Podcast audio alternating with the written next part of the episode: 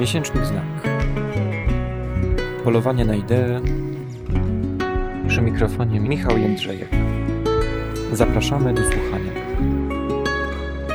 Dzisiaj odcinek o Kołakowskim, historyku filozofii, eseiście, autorze m.in. trzech tomów głównych nurtów marksizmu, ale także człowieku, który uczył Polaków filozofii poprzez popularne cykle, takie jak mini wykłady o Maxi sprawach i o co nas pytają wielcy filozofowie. Dzięki temu między innymi Kołakowski e, pewnie razem z Józefem Tischnerem jest e, jednym z najpopularniejszych polskich filozofów czasów PRL-u i III RP.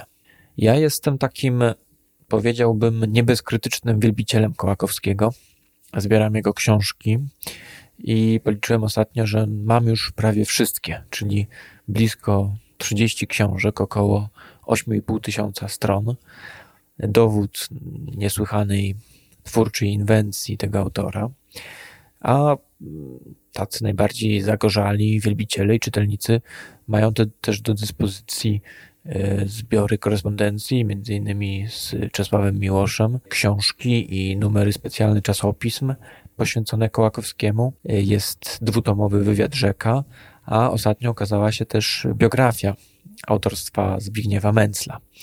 Jest więc w czym wybierać. Gdy czasami jestem pytany przez osoby, którym okazuję z dumą tę moją biblioteczkę, jestem, gdy jestem pytany, no, skąd ta fascynacja Kołakowskim, dlaczego on jest taki ciekawy, to mam, jaką, mam jakiś kłopot z odpowiedzią, bo nie jest łatwo wytłumaczyć ze swoich fascynacji ale spróbuję teraz podać kilka powodów, może nieco prowizorycznych.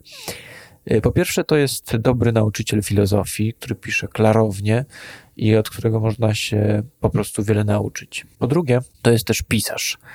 Y, to jest autor y, eseistyczny, który ma świetne otwarcia i świetne puenty w swoich książkach. Przypomnę chociażby początek głównych nurtów marksizmu, który otwiera zdanie Karol Marx był filozofem niemieckim. Więc to jedno krótkie, otwierające zdanie mogłoby się wydać banalne, a jednocześnie ono już otwiera pewien sposób interpretacji. To znaczy, że Marx nie będzie tu pokazywany jako teoretyk ekonomiczny albo jako ojciec komunizmu, ale jako dziedzic i kontynuator pewnej tradycji spekulatywnej. I no, Kołakowski miał tutaj prawdziwy talent do tego typu pisarstwa filozoficznego. Jest też tutaj y, poczucie humoru. Świetnym przykładem, chyba moim ulubionym, jest książeczka Klucz Niebieski, gdzie pojawiają się no, przeinteligentne i bardzo zabawne, przewrotne reinterpretacje biblijnych opowieści. Ale po trzecie, tym trzecim powodem, dla którego Kołakowski mnie jakoś zajmuje, jest to, że to jest bodaj najciekawszy w naszej kulturze autor piszący o religii. Piszący taki o historii chrześcijaństwa, o filozofii religii, o nowożytnym procesie sekularyzacji, no czyli sprawach, które mnie z różnych powodów ciekawią.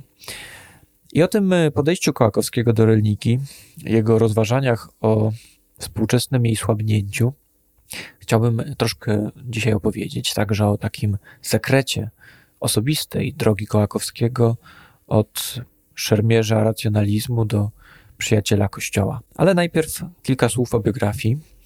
Kołakowski urodził się w 1927 roku w Radomiu i potem po latach, gdy został honorowym obywatelem tego miasta, wygłosił mowę pod tytułem Radom Środek Świata środek świata, bo jak tłumaczył ta przestrzeń, w której się rodzimy, w której się obracamy za młodu, to jest no, nasze jakieś duchowe centrum, do którego odnosimy inne kawałki globu, które poznajemy później.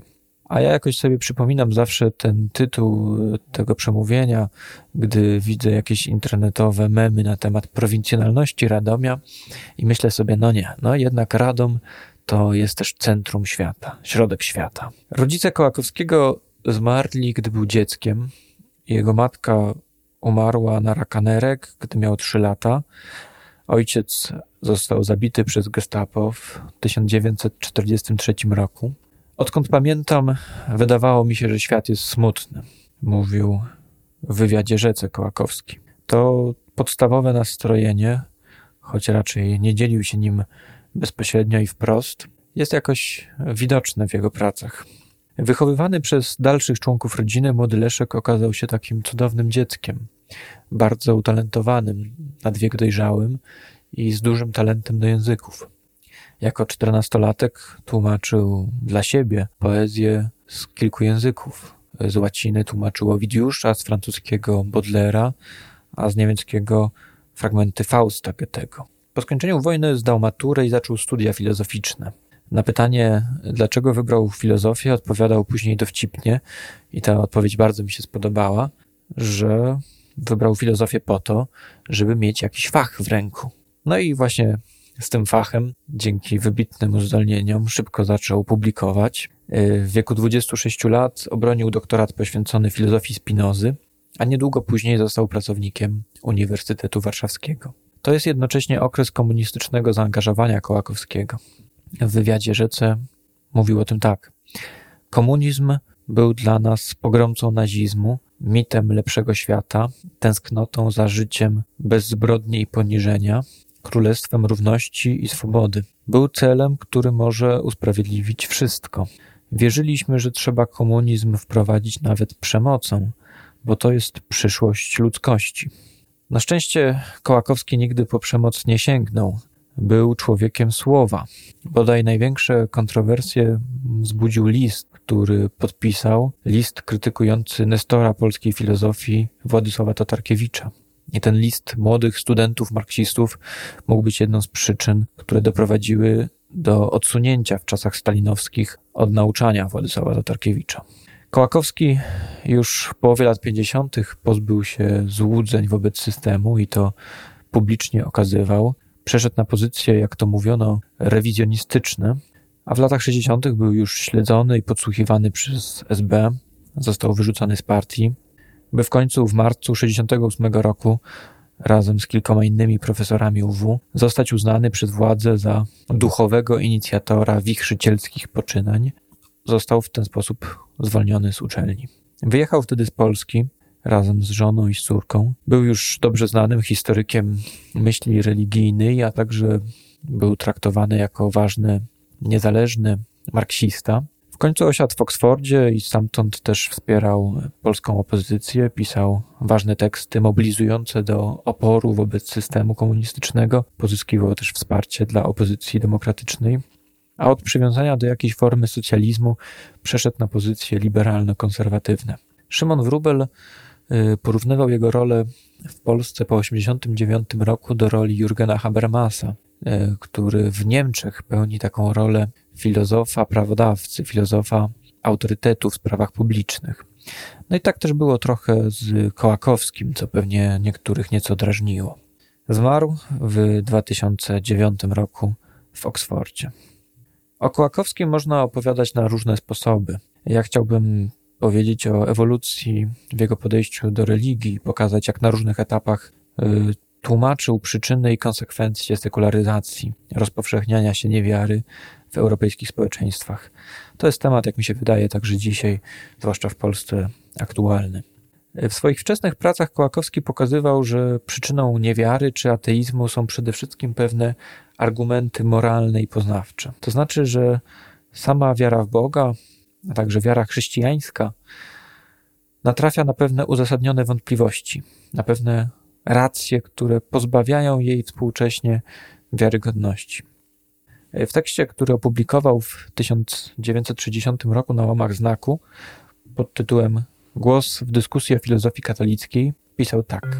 W mojej niechęci do religii chrześcijańskiej motywy natury moralnej są ważniejsze aniżeli sytuacja argumentacyjna tej religii. Jest to niechęć do moralnego zniewolenia, które religia ta w sobie zawiera. Wiara w absolut, przeciwko któremu nigdy i w żadnych warunkach nie podobna się zbuntować.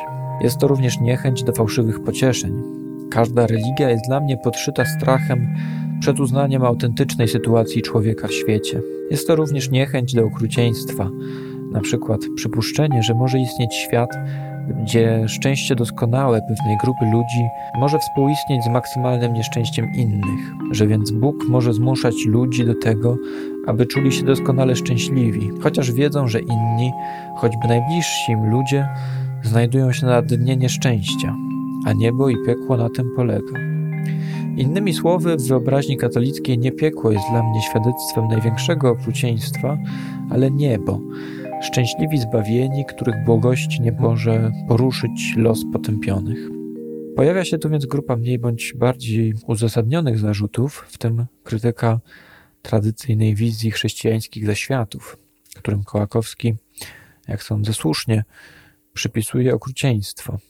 I co ciekawe, okrutne wydaje mu się nie tylko to, jak wygląda piekło w tej wizji, ale także obraz nieba, zmuszania do szczęścia ludzi świadomych tego, że ich bliscy doznają wielorakich cierpień. W innym tekście z tego okresu Kołakowski przyjmował rolę rzecznika laicyzacji, który zastanawiał się właściwie, jak najbardziej skutecznie doprowadzić do zeświadczenia społeczeństwa. I według niego postęp nauk przyrodniczych utracił swoje dawne sekularyzacyjne znaczenie. Oczywiście Kościół miał kłopot z akceptacją i nauk Kopernika i Darwina, ale teraz wypracował pewne mechanizmy adaptacji do nowych odkryć. Kołakowski zwracał jednak uwagę, że według badań społecznych najbardziej zaświadczeni są absolwenci studiów humanistycznych. Przekonywał, że to właśnie świeckie i historyczne spojrzenie na życie ludzkie, a także ujawnianie pewnych świeckich racji dla życia religijnego, czyli na przykład kontekstu, w którym powstała Biblia, albo świeckich powodów działań hierarchów kościelnych, to mogą być najskuteczniejsze sposoby, żeby otworzyć takie horyzonty, które dla myślenia katolickiego będą niemal nie do przyswojenia. Swoje własne stanowisko charakteryzował w eseju Światopogląd i życie codzienne, gdzie pisał wówczas, że istnienie jako takie nie ma żadnego sensu, a sens życia każdego jest taki, jaki każdy sam sobie nadaje. Uwypuklał przy tym w duchu marksistowskim możliwość działania na rzecz innych, humanizacji historii. Ten dość konsekwentny, sceptyczny ton powoli zmienia się u Kołakowskiego mniej więcej od połowy lat 60. Wtedy publikuje on tekst Jezus Chrystus, prorok i reformator, gdzie upomina się o znaczenie Jezusa dla naszej kultury. Ten tekst nawet wzbudził przychylne komentarze kardynała Wyszyńskiego, który był dość konserwatywnym hierarchą. Skąd się brała ta zmiana w Kołakowskim? Z jednej strony można wskazać jakieś powody intelektualne. Kołakowski studiował wtedy pracę holenderskich mistyków z XVII wieku, które pokazywały inne, może bogatsze oblicze religii niż ta znana mu forma rodzimego katolicyzmu. Czytał też wtedy pracę Mirci Eliadego, słynnego religioznawcy, który też pokazywał pewnego rodzaju bogactwo życia religijnego. Z drugiej strony to był też czas, w którym wiara Kołakowskiego w marksizm właściwie już była zupełnie wypalona i może szukał jakichś innych źródeł sensu dla ludzkiego życia. Niektórzy widzieli tu osobiste nawrócenie Kołakowskiego, a inni jedynie bardziej złożone spojrzenie na religię. Zaczyna on wówczas chwalić taką chwiejną równowagę między dwoma pniami kultury naukowo-technicznym i mitycznym, sensotwórczym. Do tego drugiego należy też religia. Kultura rozwija się według niego dzięki napięciu między tymi dwoma elementami. Jednocześnie w tych późnych esejach Kołakowski coraz bardziej przechyla szale na stronę religii. W tekście Troska o Boga w pozornie bezbożnej epoce zgoła inaczej niż wcześniej opisuje źródła ateizmu. Nie są to już dobrze ugruntowane powody poznawcze i moralne, ale pewne przemiany kulturowe, godne krytyki. Ateizm zostaje tu opisany jako wynik naszej skłonności do tego, by pogardzać wszystkim, co wydaje się bezużyteczne dla naszego pragnienia dominacji i posiadania. A więc ateizm miałby odrzucać religię jako działalność w pewnym sensie kontemplacyjną, niesprzyjającą technicznemu podbojowi przyrody czy pomnażaniu zysków. Taką kwintesencją jego późnych poglądów jest książka Jeśli Boga nie ma. E, wbrew tytułowi nie jest to książka w pierwszym rzędzie o ateizmie, ale o religii. Kołakowski tam między innymi pokazuje, dlaczego niekonkluzywne są y, istniejące dowody na istnienie Boga. Ale jednocześnie zdarzają się tam też fragmenty bardziej wątpliwe. Y, należy do nich według mnie podkreślanie takiego kluczowego moralnego znaczenia religii.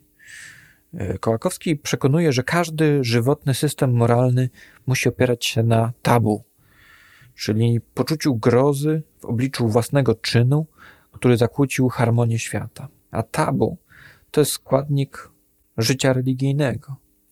Krótko mówiąc, moralne doświadczenie świata wynika z udziału w królestwie sakrum, natomiast wśród niewierzących, według Kołakowskiego, stanowi pozostałość spuścizny religijnej, w której mają nieuchronnie udział przez sam fakt wychowywania się w danej cywilizacji.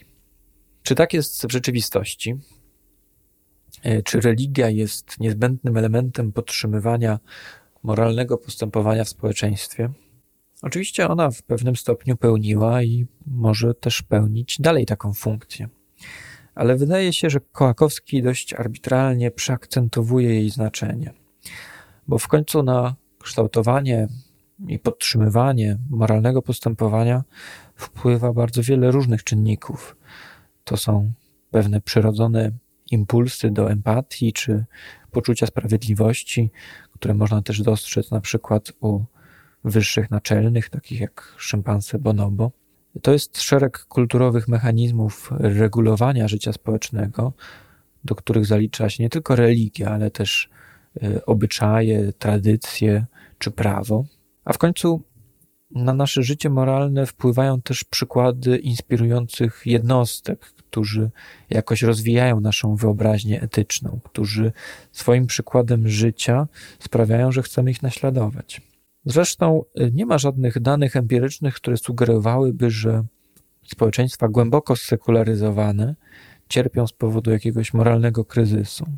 Być może moralność nie musi więc opierać się, tak jak pisał Kołakowski, na poczuciu zakłócenia jakiejś kosmicznej czy transcendentnej harmonii świata, ale może opierać się na wyobraźni etycznej, dla której bodźcem jest widok cudzego cierpienia czy doświadczenie niesprawiedliwości, które sprawiają, że chcemy jakoś temu cierpieniu czy tej niesprawiedliwości zaradzić.